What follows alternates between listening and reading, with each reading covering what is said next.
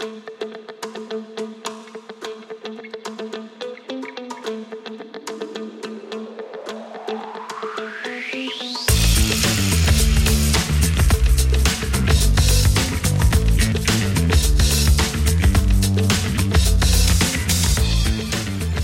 och välkomna till Kompilator eh, där vi idag har inte en utan två gäster. Eh, välkomna Simon och Alexander. Tackar, tackar.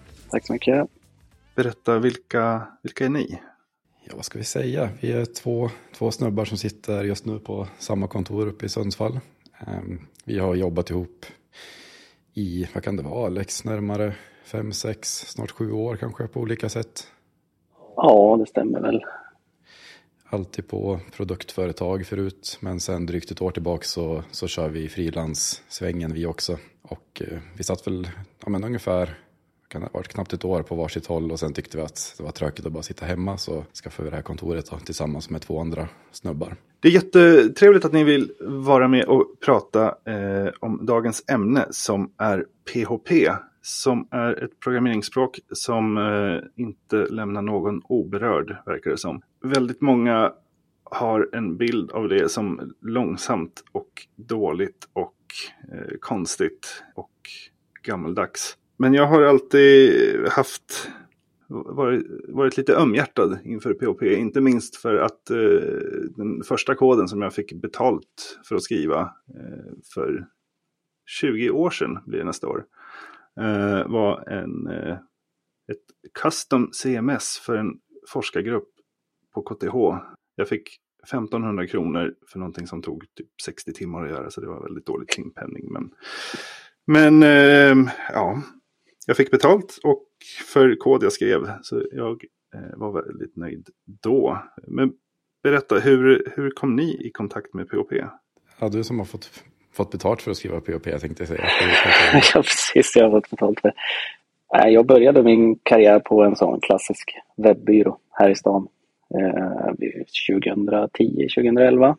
Eh, och där var det ju POP och framförallt väldigt mycket Wordpress som gällde. Eh, så det var så jag kom i kontakt med PHP. Det var mitt första programmeringsjobb. Så det var bara att... Jag visste inget annat än PHP just då. Eh, så där satt jag med det i typ två och ett halvt år. Och sen har jag varit borta ifrån det eh, sen ja, 2013 och hållit på med massa annat och vi var väldigt mycket React och Node, JavaScript-grejer. Och så kom det här då nu och så visade det sig att den här kunden kör POP. Just det. Och du då Simon? För mig så, min väg in till liksom datorernas värld var ju genom lanandet. Och jag tror att det, det här måste ha varit omkring 2000-2001. Då man kom med sin eh, burk någonstans. Spelade Counter-Strike och sen så som i anknytning till det så fanns det liksom olika system. Att man hängde på något forum innan POP-BB. Då vart man nyfiken liksom på vad, vad betyder POP här. Um, vad mer? Efter LANet så gick man in på en sån här HL-stats där man kunde se vem som var bäst med AKn eller AVPn eller alltså andra.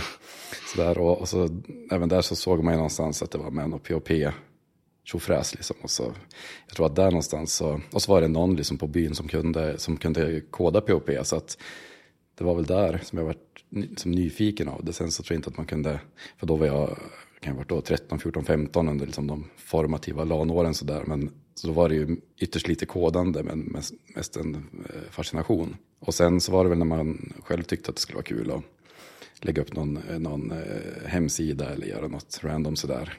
Jag vet inte om det var liksom Geocities men man började väl med en index HTML och sen när man tyckte att ehm, hur kan vi få det här ännu mer häftigt så såg man att man kunde ändra till index.php och lägga in och taggar och sånt där och så kunde man göra häftiga saker. Så att, men sen så vi, jag pluggade nere i Linköping och där, jag vet inte om det är liksom stan, men POP fanns inte på kartan där och mitt första jobb där jag fick betalt var i Python runt 2007. Och sen så nästa jobb var också Python, bara av någon, en slump känns det som. Och så var det väl typ att jag tyckte Django var bättre än det jag sett i POP. Eh, så det är också liksom först nu när vi hittade den här kunden som, som POP varit aktuellt igen det, det är många som har starka åsikter om PHP. Eh, I alla fall tidiga PHP var en väldigt potent futkan. Det var, det var ju extremt lätt att komma igång, som du säger. Det, var bara liksom lägga, lägga en index.php i, i roten på, på sin sajt och så var man igång. Och många var vi nog som typ FTP eh, direkt in i produktion och redigerade index.php med FTP-programmet. Jag vet att jag mm. gjorde det i alla fall. Mm. Jo Men jag, jag, tror att många har, har kvar den bilden och det har hänt extremt mycket med POP. Inte minst tack vare Facebook som skrevs med POP från första början och i någon form fortfarande kör det som jag förstår det. Ja, visst är det något, jag vet det, hiphop eller något sånt där så vet jag inte om de fortfarande kör det. Men, men jag funderar på det du sa om, vi också funderar på det att bilden är liksom att POP var så förskräckligt så att där kan man inte sitta med. Men sen har jag försökt att tänka så här, liksom, vad, vad, exakt var det som, som det, här är, det här är liksom hålet du kommer trilla ner i om du fortsätter på POP-spåret. Men jag har inte något så här, liksom, rakt svar på det. Så jag är lite nyfiken på vilka var de här liksom, jättefarliga fotgansen egentligen? Ja, jag kan inte svara på det. Jag, jag, jag, har nog själv trillat i den fällan att jag har liksom massa hjärnspöken som kanske inte alls... Eh, kan det vara så att man snarare själv var eh, väldigt ny på programmering och kunde bygga SQL injection galore? Mm. Eh, ja, det, det, tror jag också det ligger mycket i. Att man liksom far, farorna finns i andra språk också, men de var ännu närmare för att man var så mycket nybörjare kanske. Mm. Uh, Alex, du nämnde ju Wordpress uh, som ju bygger på PHP. Eh, jag har inga färska siffror, men sist jag hörde så är det liksom om det var 45 procent av alla sajter på internet som kör Wordpress och i förlängningen PHP. Så det, den är, om inte annat så är den ju verkligen vad det heter det, battle-tested. Ja ja, precis. Jag tänker precis det som vi pratar om nu också om eh, footguns och så. Eller varför POP har ett ganska dåligt rykte. Är ju, I mångt och mycket känner jag är väl från Wordpress i sig. Alltså att Wordpress har blivit synonymt med POP. Och liksom, eh, liksom ja, dålig kod eller jäkligt eh, spagettiartad kod eh, som finns i, i mycket av pluginsen som är i Wordpress. Jag är inte alls tillräckligt insatt i Wordpress-kärnan för att uttala mig om hur, hur den ser ut. Men jag vill minnas att då där kring 2011 så var det ganska mycket snack om att den också var lite, kanske inte jättekul. Um, men det är väl min uppfattning om det, för jag är lite inne på också att här, jag, jag kan också ha hakat på trenden efter, efter att man slutade jobba med POP så börjar man säga ja POP det är bara skit liksom. Uh, men medan jag jobbar med det kan jag nog inte säga att jag tyckte det. Eh, men det var ju, ja, mycket var ju kring det och det var ju också att man inte var särskilt, eh, man var ganska ny som utvecklare och sådär. Men just kring deployment och de bitarna. För att det var ju liksom mycket FTP och flytta över filerna och liksom eh, hur man paketerade liksom det vid deploy. Det var ju, men det är ju inte riktigt POPs fel.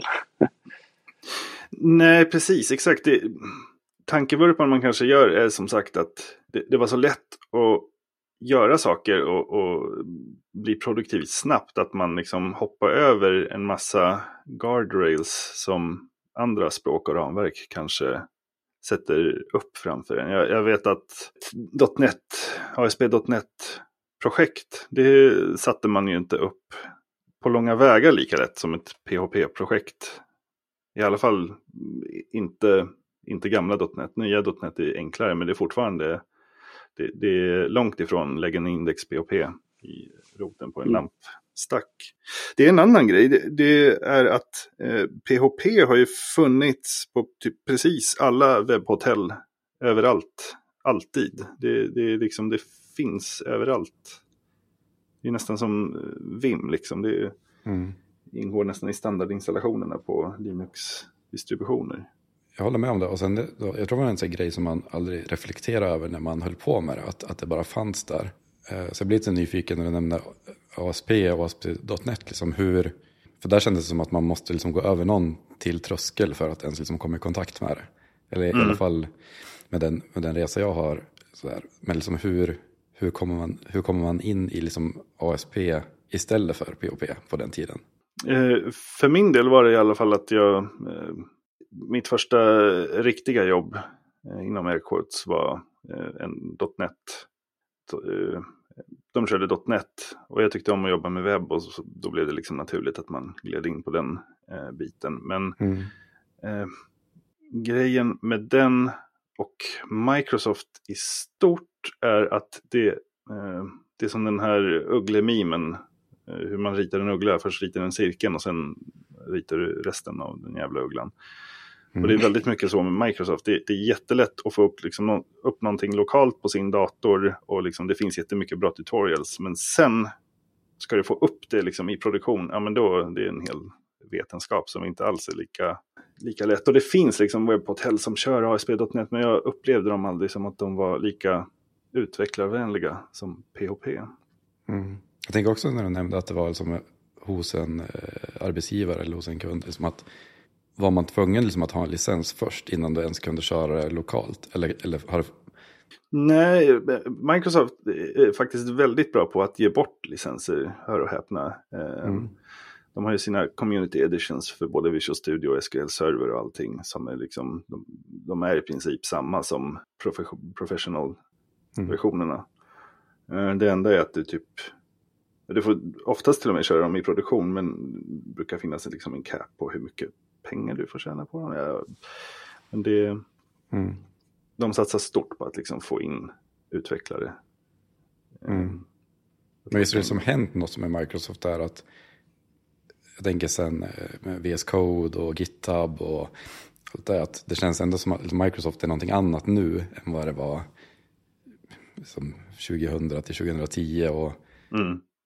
jag vet inte vart det vill komma riktigt men det, men liksom det fanns man var ändå tvungen liksom att hitta någon licens då eller någon vad ska man säga, det här kanske, det här kanske man får klippa, klippa bort men liksom det, eller kunde man hitta en lampstack liksom på någonstans eh, fast för Microsoft? Nej, precis. Bara för att klargöra vad, vad vi menar med lampstack. LAMP stod för ska vi se, Linux, Apache, Apache, MySQL. MySQL, Precis. POP.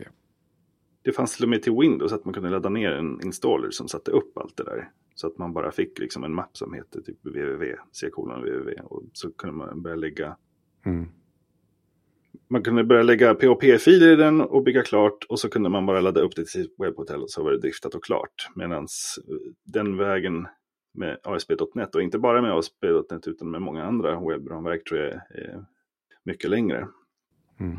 Men senaste tiden så har jag följt eh, hela den här indie-hacker-rörelsen som, som dök upp senaste fem åren typ. Och kort och gott så handlar det om eh, utvecklare som liksom enmanna företag, som startar enmannaföretag och, och bygger någonting som kan liksom försörja dem och ge dem en bekväm livsstil. Eh, och där är PHP och särskilt då ko- ko- kombinerat med Laravel jättestort. Just för att det, det är så en extremt kort startsträcka och man är så produktiv.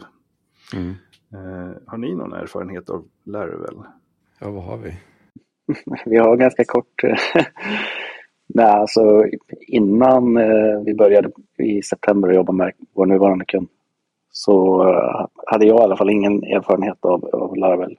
Men nu håller vi på att bygga en applikation på det. Och jag, efter att jag hade jobbat på byrå så jobbade jag på ett eh, media, ja, mitt media här i stan. Då körde jag faktiskt Rails eller Ruby. Mm.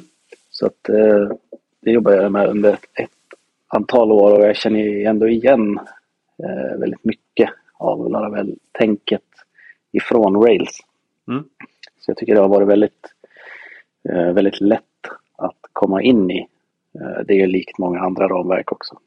Eh, men sen apropå det så, var ju, så såg jag faktiskt den här dokumentären om, eh, om just Rails som har, finns på, på Youtube. Mm. Just det där som du nämner om att kunna bygga saker som en manna, en, en one man show och liksom driva hela. Att det var liksom en stor grej med för Rails också. Att det gjorde det möjligt och jag tror det var han Shopify eh, snubben som, som pratade mycket om det. Att det var det han hade gjort. Att det var liksom Rails som gjorde det möjligt för honom att bygga Shopify från början. Alltså. Min, min tweet angående enmanna one man shows är en eh, kille som heter Levels på Twitter slash X. Eh, och, och han, han, är, han har ju startat flera framgångsrika företag men han har en tweet som, eh, som låter så här.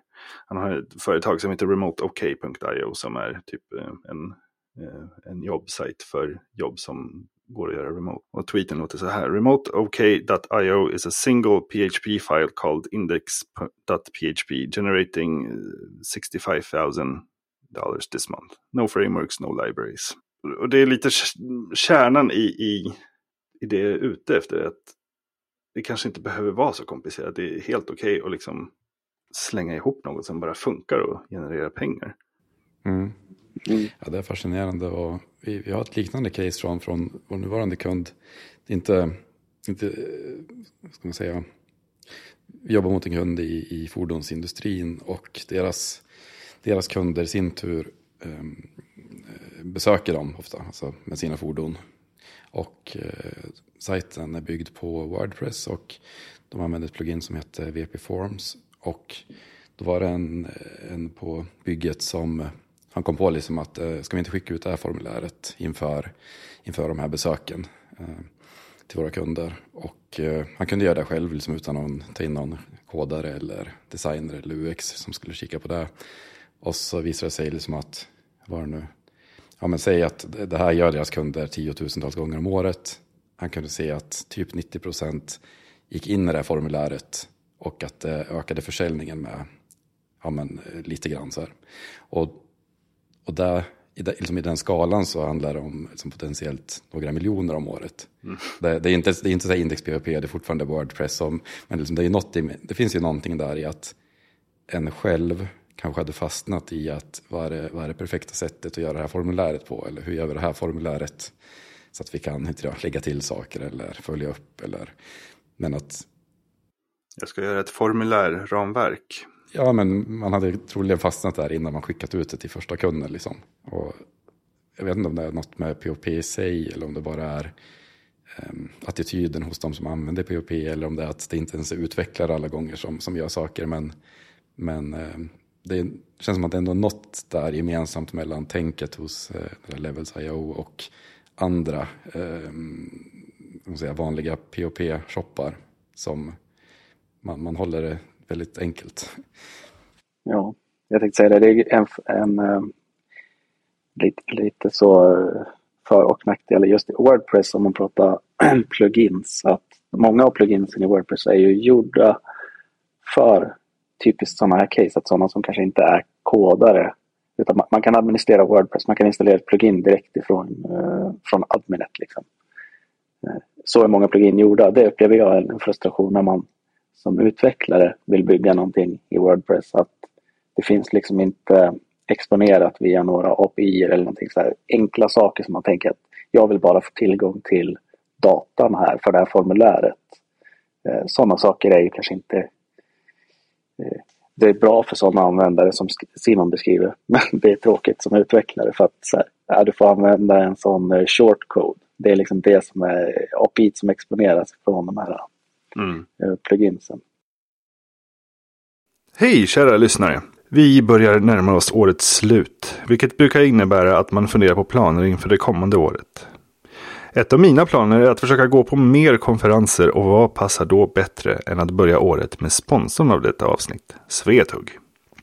Svetug 2024 går av stapeln den 7 och 8 februari i Liljeholmen i Stockholm och biljetter kan köpas på www.svetug.se redan nu. Svetug är nog en av mina favoritkonferenser, inte minst på grund av dess .NET-fokus.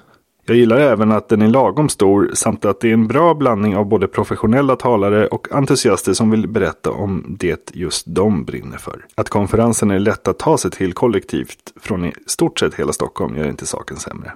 Och just det, Svetug drivs ideellt, vilket innebär att biljettpriset är mycket lägre än vad en konferens brukar kosta. Endast 3 950 kronor. Så vänta inte för länge, hoppa in på www.svetug.se och beställ din biljett idag. Så ses vi där helt enkelt. Jag höll på att labba en massa med, med Wordpress ja, till och från under de senaste 15 åren. Jag kommer tillbaka till det med jämna mellanrum. Och jag minns att det finns ett väldigt stort ekosystem med just pluginer som du säger, men även, även färdiga mallar och, och eh, när man tittar på vissa av de här mallarna, de, man, man blev ju mörkrädd. För det var liksom, ja men, det gick för långsamt att använda den riktiga Wordpress-vägen så vi bara skriver och läser direkt från databasen. Det var liksom sådana saker. Och jag undrar om det hör ihop med...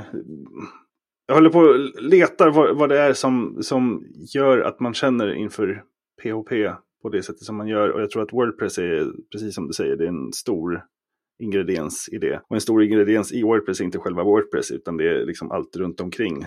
Alla plugins och, och mallar och, och hosting. Liksom det, det, det, är en extremt skiftande kvalitet på allting. Mm.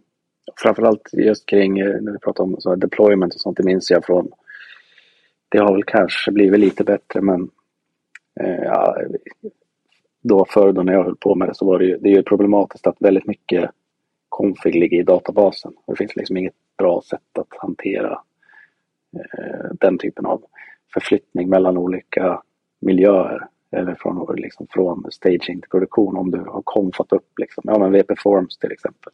Mm. Eh, konfar du det och skapar, och skapar eh, nya, nya formulär så kommer det ligga i databasen säger jag utan att ha tittat jättenoga på VP-Forms. men, men det är ju den klassiska liksom, problematiken att så här, då måste man i princip göra det i produktion eller så får man jättejobbiga... Du måste typ droppa produktionsdatabasen och peta in en, en uppdaterad. Och det känns ju inte bra i magen. Mm. Om vi tänker oss Wordpress och sen har vi Laravel. Eh, för de, är, de har båda en, liksom en kärna och så har de ett ekosystem runt om sig som jag förstår det. Eller hur? Visst är det så att det finns Laravel och så finns det liksom alla de här kringtjänsterna som de erbjuder. Mm. Eh, som hosting och loggning och, och, så vidare. Har ni, har ni någon erfarenhet av dem? För jag, upp, jag upplever att Laravel är ändå snyggt skrivet. Mm. Vi, som, som Alex sa, så vi började kika på Laravel för typ två månader sedan.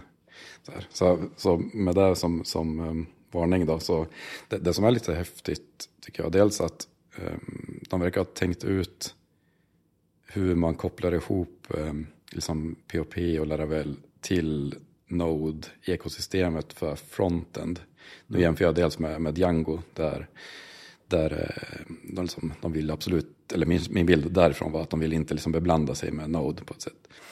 Medan i Laravel så Ehm, så har de ju opinions om att det är white som gäller för fronten-delar och de har liksom sätt som typ kopplar ihop Composer med Node. Och Composer är ju pakethanterare typ till POP, men att man, man kör liksom ett vanligt byggsteg och finns det med um, någonting som måste göras med frontend assets så sker det liksom bara.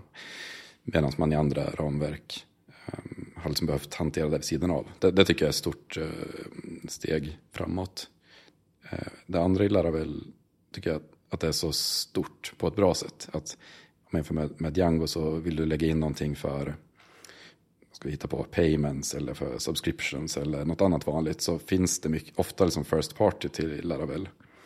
Eh, de har ofta namnen är lite, lite som AWS-namngivning, att de heter ju typ eh, Nova eller Flashbang eller något sådär. Men det finns ju mycket och att liksom det finns ett tänk kring allting, att det ska hänga ihop. Eh, tycker jag är rätt fascinerande. Eh, vi använder något som heter Filament. Och där, eh, jag tror där konkurrerar med Nova, men det är ju ett sätt att, att bygga um, admin-paneler på. Och jag tror även liksom, det är inte bara för ren admin och backoffice utan du kan använda det för att bygga upp GUIn som är som customer facing också. Och det går ju liksom sjukt snabbt. Och, eh, och det känns ändå inte som att man är inne liksom i ska säga, tredjeparts um, ehm, det hänger ändå ihop på ett, på ett snyggt sätt. Mm. Och allt har ju bara fun funkat också hittills. Alltså vi har inte haft några... Jag kan inte komma på att vi har liksom suttit och kliat oss i huvudet över att, eh, typ sådär, att det är någon kompatibilitetsproblem mellan olika... Nu, nu har vi liksom ett helt nystartat projekt såklart så att det är ju bara några, må några månader gammalt. Men jag, eftersom jag, jag kommer ju från och har suttit väldigt mycket med, med JavaScript och Node-världen och där är ju, brukar det ju sällan inte vara några problem med liksom, eh, kompatibilitet mellan olika paket och liksom att ja, men nu måste vi uppa React för att, ja, du vet. Mm. Det, den problematiken har ju inte funnits här och jag tycker det känns som att det finns mycket positivt att säga om Laravel. Dokumentationen är ju eh, riktigt bra. Bara en sån mm. sak är ju Ja, ni nämnde Django ett par gånger och det är väl Pythons eh, Exakt. Eh, sätt att, att, bygga webbapplikationer. Och, eh, nu, nu, har jag jättelänge sedan jag byggde något med Django och jag har inte byggt någonting med, med Laravel. Jag har bara kikat på det. Men jag upplever det som att eh, Django känns som ett, liksom ett hobbyprojekt mot Laravel som känns väldigt professionellt. Jag kanske fortfarande är lite partisk för att jag, liksom har ändå tio år med Python innan jag liksom tog steget till POP. Så där. Men det finns ju stora saker som är byggt på Django. Jag tror det mest kända är kanske Instagram som från början, nu är det svårt att veta liksom hur mycket som är kvar från den koden, men att det var liksom ett Django-projekt från början. Och mm. eh, får jag lite tid kan jag komma på några fler saker som inte är så hobbyaktiga. liksom. Så att det, det som är häftigt med, med Laravel där i jämförelse, det, jag och Alex snackade lite om det innan också, du, du Alex hade sett någonting om uh, The Dark Ages of Rails före mig den här dokumentären kanske. Eller Dark Period eller något. Mm. Att, att det är Ja, precis. När det var Webpack, eh, då hade jag lämnat Rails så jag är inte riktigt med. Men det, det är väl någonting kring att de inte ville, alltså Rails har ju någon egen sån, Sprocket eller vad det heter, uh, Asset Pipeline. Uh, och så började det hända ganska mycket i JavaScript-världen och då blev det väl någon clash där. Mm.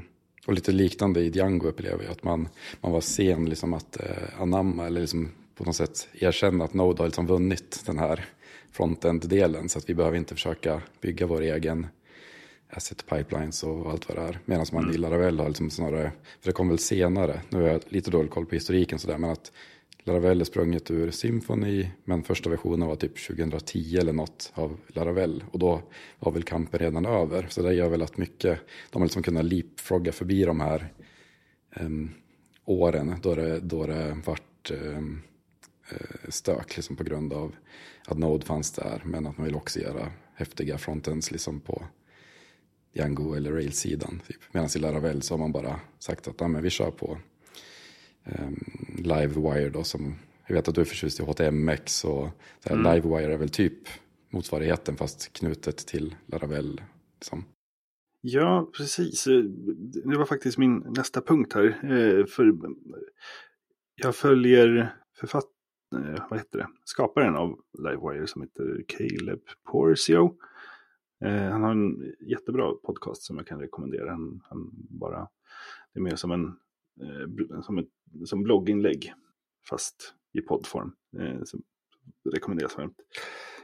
Jo, han, eh, Caleb Porcio är eh, som sagt eh, han skrev Livewire som påminner väldigt mycket om LiveView som påminner väldigt mycket om Blazer. Som typ påminner om HTMX men det, det, HTMX tar en lite annan approach. Um, Caleb Porsche, precis som Simon sa här nyss. Han har även skrivit alpine.js, eh, så han rekommenderas en följning. Men jag gillar väldigt mycket den här approachen att eh, det mesta sköts på servern och HTML-diffar skickas till klienten som sen pusslas ihop av Livewire eller LiveView eller Blazor. Har ni testat det någonting? Indirekt genom Filament, för där i senaste versionen av Filament som jag tror kom ganska nyligen har man gått över till Livewire 3. Man kanske var på Livewire innan förresten men, men det används under huven. Men vi har än så länge kunnat hålla oss till som standard komponenter i, i Filament. Så jag tror inte vi har behövt ja, gå in på djupet liksom med, med det underliggande i Livewire. Men, eh, men jag håller med om det här att det är skönt att kunna hålla sig till ett språk och att kunna ha um, jag att liksom kunna ha logiken samlad på ett ställe och state-hanteringen om det är en MySQL i botten. Liksom att man behöver inte, man behöver inte ha state en gång till liksom på fronten. Den, där känns som en väldigt stor vinst ofta. Precis, dels det, men sen även att man inte behöver liksom upprätthålla två eh, build pipelines och två uppsättningar eh, tooling och pakethantering. Och mm. det, det, det, är väldigt mycket. Så jag, jag, liksom, accepterar gladeligen lite magi i utbyte. Att inte behöva ha koll på alla de grejerna. Mm. Och därför var jag nyfiken på hur, hur, vad, vad är er erfarenhet, men det låter ändå som att det, det funkar.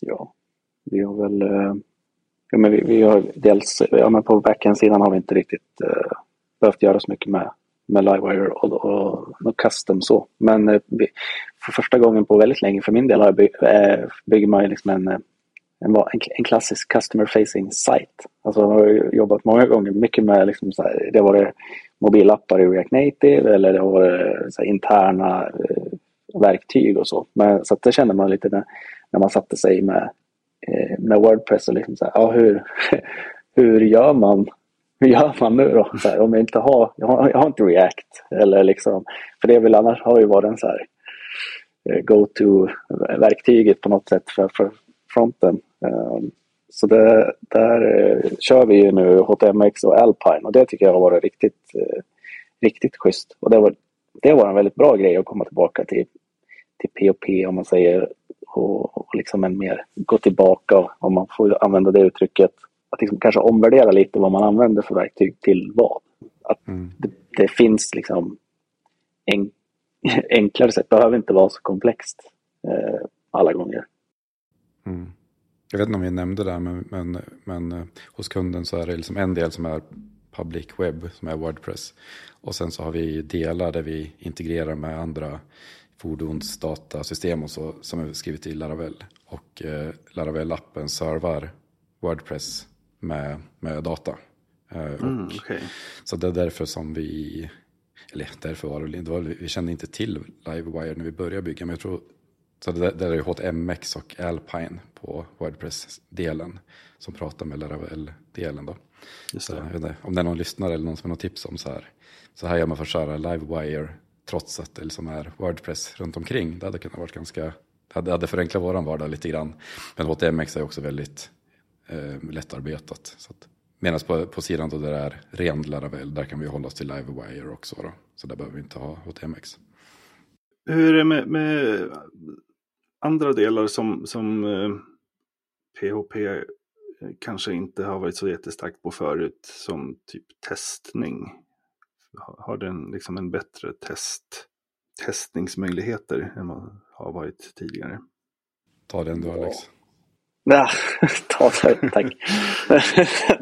Nej, jag menar, ja, alltså Laravel har ju väldigt bra eh, struktur och liksom eh, det är förberett väldigt bra för, för testning som man kan förvänta sig liksom i ett modernt eh, ramverk. Och där, den kör POP Unit, nu testade vi att ändra till något som heter PEST. Eh, men det tror jag mest är lite så eh, syntaktiskt eh, hur det ser ut. Man kan skriva dem lite, lite snyggare.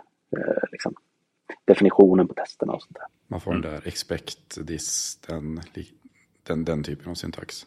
Okej, okay, just det. Och de här testerna, kan man köra dem i, i liksom en CI-CD-pipeline? Hur, hur, hur bygger man och deployar Laravel-projekt? Ja, vi, alltså kunden använder eh, så väldigt klassisk hosting, cPanel. Och eh, eh, ska säga, så där, där har man ju stöd out of the box för POP förstås. Och det finns liksom en MySQL eller en MariaDB. Även Redis. Liksom där. Och det, jag vet inte om det är, som är inbyggt i, i cPanel eller om de har lagt in något någon typ av extension. Men, men det finns liksom Laravel-specifika delar. Typ för Laravel Worker eh, eller Horizon som är något annat ord för workers. Eller någon nyare version av workers typ. Mm. Så det har varit ganska smidigt. Eh, vad är det vi gör? Vi, man kan i cPanel kan man liksom ha ett eget internt Git-repo. Så vi har, vi har lagt upp det som att eh, kunden använder Bitbucket. Så vi har liksom hu huvudkoden och, och CI-CD ligger där. Eh, sen så kopplar vi bara upp från Bitbucket Pipelines som det heter till cPanel-servern över eh, eh pusha-koden och sen så lägger man, man kan ha ett skript på cPanel eller i liksom Git-koden. Eh, och, och, på repot som, som, det är bara en spegling som ligger på cPanel och den drar igång någon typ av deploy-skript. Så där har vi, det är liksom bara steg som, eh, eh, ja men vad är det man kör, Composer, Install, eh, POP, Artisan, Migrate, någonting för cachning, jag tror PP Artisan Optimize. Och sen kod som bara flyttar till rätt folder på, på cPanel. Eh, och vi har ju inte tio år av cPanel eller, eller som POP eh, DevOps-jobb i ryggen. Så att det här kanske, jag tror inte att det är på väggarna men det kanske finns snyggare sätt att göra det på. Men, men liksom det, det, det funkar bra så här. Så jag vet inte, cPanel är väl som en blandning då blir det mellan Bitbucket, CI, CD och eh, det som finns på cPanel. Vi har liksom försökt att hålla oss ändå till så vanilla som möjligt. Hade vi valt hosting själva liksom utan någon historik och sånt, då kanske man hade sneglat på något annat. Men kunden är van vid det här och det, det funkar helt okej. Okay, liksom. Visst finns det eh, brandad hosting eller vad man ska kalla det för Laravel? Visst är det ja. någon, någon, något eget moln? Precis, visst är det där som är Laravel Forge är något verktyg för ja, att precis. spinna upp typ maskiner Och där finns det väl någon hosting också. Eller om det är typ att man betalar för att få eh, ett GUI på Forge. Så tror jag att det var. Men att man så då, genom det blir det enkelt att spinna upp maskiner som kör det som behövs. Typ. Och så är det någon till del också med om man vill splitta upp det att ha separata, alltså en burk för MySQL, en för POP och en för något tredje som den jag tappar namnet på. Men, eh, men vi använder inte det. Eh, där. Men det är säkert skitbra. Är det något ni saknar då? Som, nu har ni bara jobbat i två månader, men är, är det något som ni liksom, shit, det här hade varit jättenice att ha? En grej jag kommer att tänka på, men det, det, det, det, kan, kan man ju lösa på andra sätt, men det är att om man är van vid att ha kört, om jag säger Python, Java, Node, att man har långlivade processer och så vill man typ eh, det här, det här är data som vi vill ha i minnet för att det ska menar, agera cache eller det ska bara finnas där. För att slippa en roundtrip till databasen. Eh, mm. Där kan jag ha saknat någon gång. Eh, jag ville liksom, för det här körs ju liksom på en maskin och en det behöver liksom inte skala och vara flera processer så att det är en jättesnabb cache att ha saker i minnet. Men, men det är ju lite lurigt då med POP. Så det är väl en grej som jag kan sakna lite från miljöer där processerna lever länge. Eh, Simon och Alex, det, det har varit jätteroligt att prata om PHP och inte bara POP med er. Eh, den stora, stora slutsatsen jag får med mig från det här samtalet, som du Alex sa här, i det som vi klippte bort, är att eh, det kanske inte är språket som är avgörande för om eh, det man bygger är framgångsrikt eller inte. Ofta hade man kanske klarat sig med liksom Excel och pappersflyers lika bra. Lite som du nämnde, som det här formuläret som drog in några miljoner i omsättning. Eh, vi kanske inte vi kanske borde lägga mer tid på att bara bygga saker och inte lika mycket tid på att vara upprörda på programmeringsspråk. Vad säger ni? Jag håller helt håller helt med. Och, eh, och när man känner så kanske att sitter man i Wordpress eller något annat POP och vill komma in i liksom riktigt mysig miljö så, så finns Laravel där och funkar ju på samma det kräver inte något extra av hostingen så det kan kanske är ett ganska litet steg också. Och uh, som gammal Django-kramare och, och liknande Alex och Rails kanske så man känner sig snabbt hemma i Laravel och att det till och med är vassare kanske än, än eh, där man suttit med förut. Grymt. Vi, vi avrundar med de orden. Eh, Alex och Simon, tack så jättemycket för att ni ville vara med. Tack så mycket. Tack själv.